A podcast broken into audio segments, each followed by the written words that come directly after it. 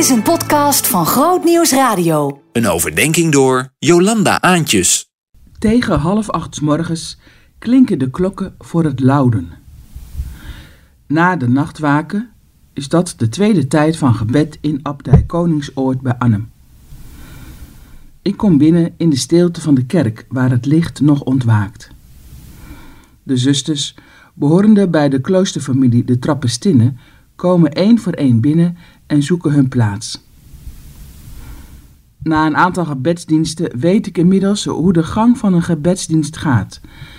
Een van de zusters zal zo dadelijk de eer aan God zingend inzetten, de andere volgen.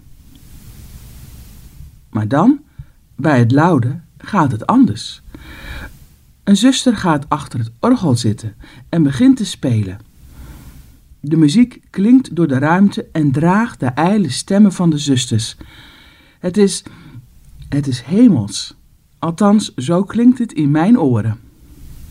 En ik bemerk dat dit wat met mij doet.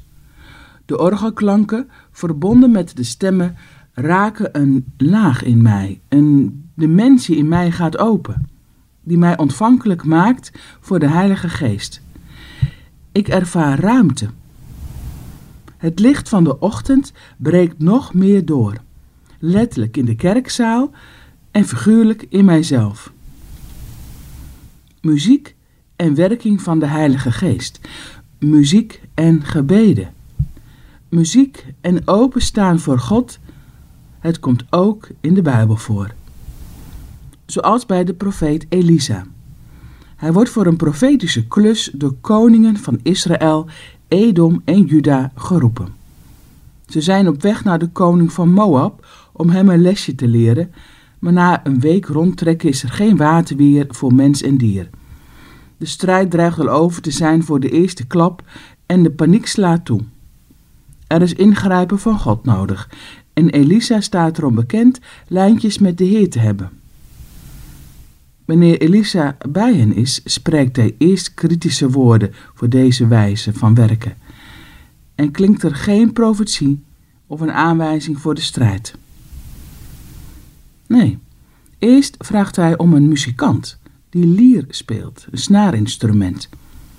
En, zo zegt 2 Koningen 3 vers 15, terwijl de muzikant op de lier speelt, wordt Elisa gegrepen door de hand van de Heer.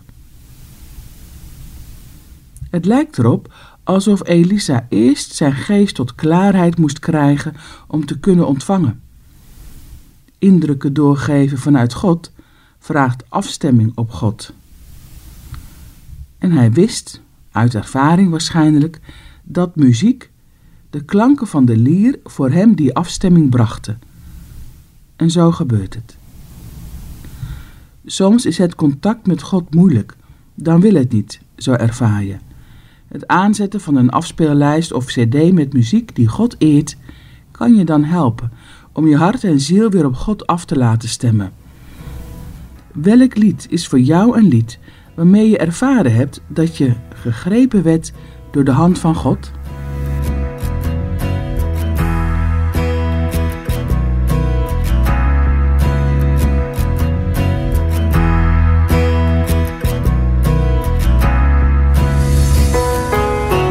Meer verdieping? grootnieuwsradio.nl slash podcast